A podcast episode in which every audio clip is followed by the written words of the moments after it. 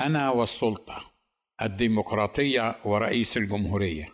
جاءتني مكالمة عاجلة وغريبة إلى حد ما من أحد اصدقائي الرعاة الشباب بالعراق وقت انتخابهم لرئيس الجمهورية العراقية. وبعد السلامات والتحيات والسؤال عن الأولاد والبنات قال لي صديقي إن السبب الذي دفعه لكي ما يتحدث إلي هو أنه يحتاجني لكي أساعده هو وكنيسته في اختيار المرشح العراقي لرئاسة الجمهورية العراقية. وقال صديقي لقد قررنا أن نستشيرك في من ينبغي أن ننتخبه رئيسا للجمهورية العراقية. ثم أضاف والشخص الذي ستطلب منا انتخابه سننتخبه جميعا بلا تردد. فأنت إنسان روحي ونحن نثق فيك وفي نظرتك للأمور و و و وبينما كان صديقي يعدد ما يراه في من حسنات ومؤهلات من وجهة نظره بالطبع وليست بالضرورة متوفرة في حقا والتي تجعلني أهلا لمساعدته في اختياره لرئيس جمهوريته.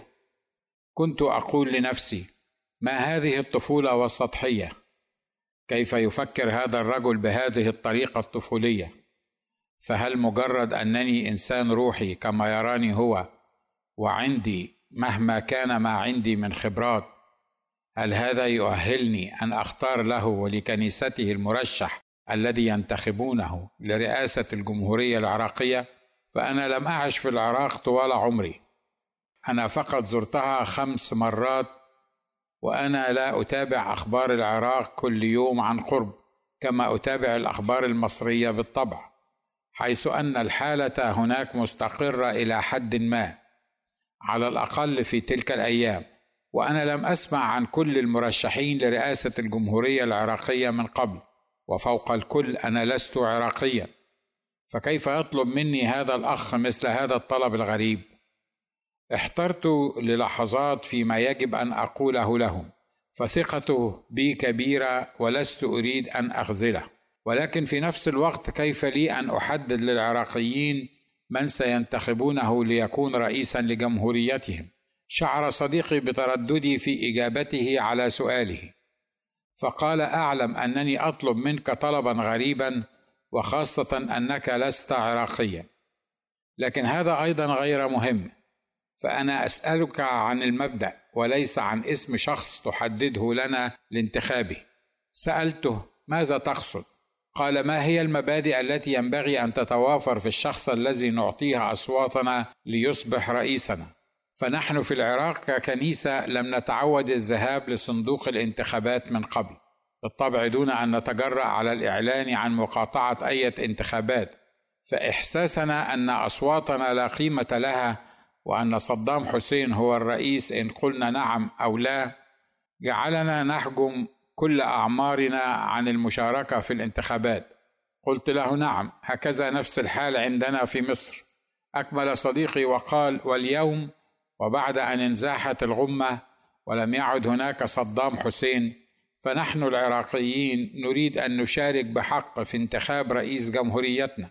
ونحن نرى ككنيسة أننا إن لم نشارك في الانتخابات وقاطعناها كما كنا في الماضي ستكون هذه خطية علينا.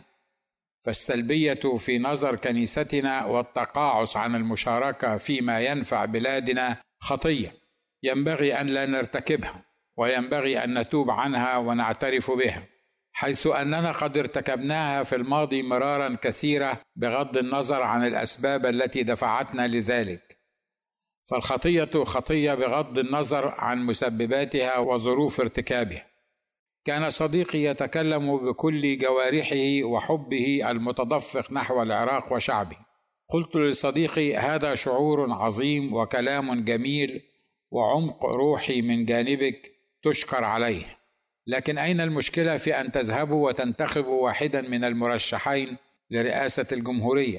قال صديقي المرشحون لرئاسة الجمهورية واحد منهم موال لإيران ويريد أن يحكم العراق بالشريعة الإسلامية الشيعية. والثاني من السنة الذين لا مانع لديهم من التعامل حتى مع تنظيم القاعدة حتى يقمع الشيعة العراقيين ويكسر شوكتهم. وهو بالطبع ضد كل ما هو مسيحي. والثالث كردي والرابع كذا والخامس كذا. وأنا لا أريد كراعي لكنيستي أن أزكي أحدهم. لأني أعتبر نفسي شريكا ومسؤولا عن أعمال من أنتخبه.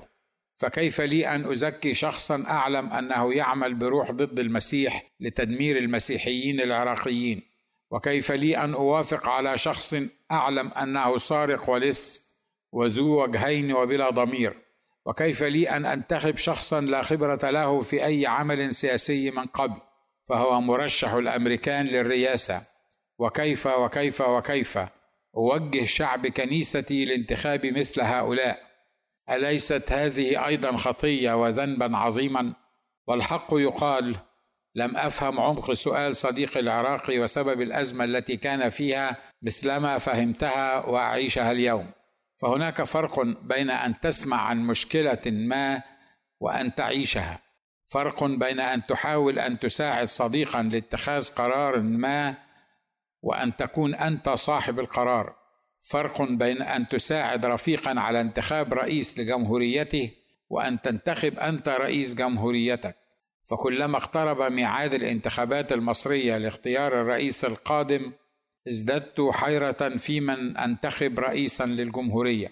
فمرات أفكر أن مصر لم تعد مصرنا التي كنا نحلم بها. فلماذا الاهتمام بهذا الأمر أو حتى التفكير فيه ووجع الدماغ؟ فنحن كمسيحيين صرنا غرباء عن مصر غير مرغوب في بقائنا في بلاد كانت يوما بلادنا. فبعد أن جاء المستعمر الإسلامي لبلدنا ومحى تاريخنا وشتت شملنا وأنسانا لغتنا وثقافتنا وعلمنا وغرس فينا قومية ليست لنا واليوم تحكم في أولادنا وأرزاقنا وأحلامنا ودور عبادتنا وعلاقاتنا بربنا فليس لنا أن ننتخب رئيسا ولا وزيرا لنا فالرئيس سيكون رئيسهم والوزير سيكون لتلبية رغباتهم ولن يلتفت لنا كمسيحيين إلا من يزايد على أصواتنا. ونحن نعلم جيدا أنها التفاته مؤقتة حتى يتولى العرش وبعدها ستخيب آمالنا. وهي التفاتة لغرض سرعان ما سينتهي بانتهاء تحقيق الهدف منها وليس بعدها إلا نسياننا. ومرات أخرى أقول لنفسي لا فمصر هي مصرنا وأرضها وترابها يحمل خلايا أجدادنا وإخوتنا وأخواتنا. فلن نكف عن الجهاد لإعادتها لنا ولكن من ننتخب رئيسا لنا؟ وهل ننتخب أم لا ننتخب؟ وإن انتخبنا فهل ننتخب مرشحا من الإخوان الذين يؤمنون أن لا حق لنا في بناء كنائسنا في أرض اغتصبوها منا وقالوا لنا بالقوة أنها أرضهم وأننا كنصارى أهل ذمة ورعاية وأنه ليس من حقنا أن يرشح أحدنا نفسه لمنصب رئيس الجمهورية أم ننتخب من يتلون بكل لون؟ فهو مع الإخوان إخواني ومع العلمانيين علماني ومع المسيحيين في الخفاء فقط مسيحي. أم أنه من الأفضل لنا أن ننتخب كلبا من كلاب السلطة القديمة وهذه ليست شتيمة لكنها تعبير مجازي ومن سلالة الحزب الوطني. وأهو اللي نعرفه أحسن من اللي ما تعرفوش. هل نصلي للمولى أن يساعد الناس على انتخاب مرشح بعينه وهل هناك من هو مرضي عند الله حتى يطلب من الناس انتخابه؟ أم أننا لابد لنا أن نتبع نظرية اختيار أحسن الوحشين؟ وهل هناك مقاييس ثابتة واضحة تطبق على كل المرشحين حتى نعرف من هو أحسن الوحشين؟ فمن البديهي أن المرشح لمنصب رئيس الجمهورية لابد أن تتوافر فيه الصفات الآتية. واحد لابد أن يكون دافعه الوحيد للترشح هو احساسه الوطني الصادق بأنه مثقل بخدمة وطنه وأرضه وأهله والتضحية لأجلهم وهو على استعداد أن يتحمل كل الصعاب من أجل رفعة هذا الوطن وخدمة أبنائه. اثنين لابد أن يكن له من الدراسة والخبرة العملية في مجالات العلاقات المحلية والدولية ما يؤهله لتولي هذا المنصب الخطير. وواضح أن هذا الشرط لن يتحقق في أحد من المصريين. وقد نجح الرئيس السابق في أن يحتفظ بكل العاملين معه في الظل بعيدا عن كل خبرة نظرية أو عملية. يمكن أن تؤهل أحدهم لرئاسة الجمهورية. لكي لا يكون منافسا لجماله المبارك. ثلاثة لابد أن تترجم هذه الخبرة النظرية والعملية إلى خطط وبرامج عمل وإحصائيات وأدلة وإثباتات يطرحها المرشح على الناخبين ويكون مستعدا لمجاوبة المؤيدين والمعارضين له وحتى المفترين الحاسدين والطامعين في نفس المنصب لسبب أو آخر. وواضح أن هذا الشرط أيضا لا يتوفر في أي من المرشحين وهو نتيجة طبيعية لإقصائهم عن ممارسة العمل السياسي كل هذه السنين. فلا يكفي أن يكون المرشح من أولياء الله الصالحين. ذا زبيبة عريضة وقدرات خارقة في الخطابة وتحميس الناس وإقناعهم بوجهة نظره حتى يصلح للرئاسة. ولا يكفي أن يكون مديرا للجنة الطاقة الذرية وقام بزيارة الكثير من دول العالم والتقى بزعمائها لمدة ساعات لمراقبة برامجها النووية. ولا يكفي أن يكون من عائلة السادات حتى يظن في نفسه أنه قادر على تحمل المسؤوليات الرئاسية. فيكفينا سادات واحد وما دمره في بلادنا وعقولنا وكنائسنا ومعتقداتنا ولا يكفي حتى أن يكون وزيرا سابقا أو رئيس وزراء. فالرؤساء الثلاثة السابقون لم يعطوا فرصة لأحد ليحل مكانهم عند غيابهم لسبب بسيط لأنهم لم يكونوا مقتنعين أنهم سيتركون الحكم وهم أحياء عملا بمقولة الفنان عادل إمام في مسرحية الزعيم هو في زعيم بيموت يا باشا أربعة. الرئيس المنتخب لابد أن تكون له مواقف عملية سابقة.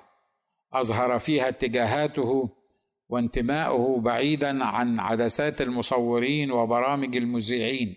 فمن يصرح أن الكتاب المقدس هو كتاب مكدس وأنه محرف وان الأديرة والكنائس هي مخازن للذخيرة يعدونها لحرب قادمة بين المسيحيين والمسلمين لا يصلح لأن يكون رئيسا لمصر. ببساطة لأن مصر بها أكثر من 15 مليون مسيحي ولهم خبرات سيئة مع مثل هذا المرشح. خمسة لا بد أن يكون معتدلا غير محاب لجماعة على حساب الأخرى منصفا صادقا مع نفسه ومن انتخبوه. ساعيا لتحقيق كل ما وعد به الناس في فترة دعايته الانتخابية. فما أكثر الوعود المقدمة للشعوب مع علم قائليها أنها من رابع المستحيلات في تنفيذها. وكيف يكون معتدلا وهو المحتاج لأصوات فئات بعينها غير متكافئة في العدد والإيمان والمعتقدات مع بعضها؟ فالطبيعي أن أي مرشح لابد أن يرضي الأغلبية والأغلبية المصرية تكره الأقلية ولا تعتبرها جزءا من هذا الوطن.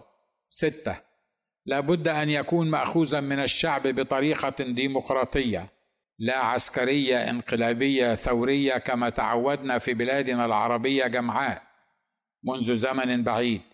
لكن الديمقراطية وحدها لا تكفي. فالديمقراطية لفظة إغريقية تعني حكم الأغلبية والأغلبية هي خمسين في المية زائد واحد أو أكثر. وفي القديم كانت الديمقراطية تصلح لحكم الشعب نفسه بنفسه عن طريق ممثليه المنتخبين بطريقة حضارية حرة أمينة لأن الناس كانوا يفصلون بين الدين والدولة ولم يكن هناك هذا الكم الهائل من الأحزاب والتيارات السياسية المتضاربة المصالح والأهداف ولم تكن هناك هذه الكمية من المشاكل والانقسامات.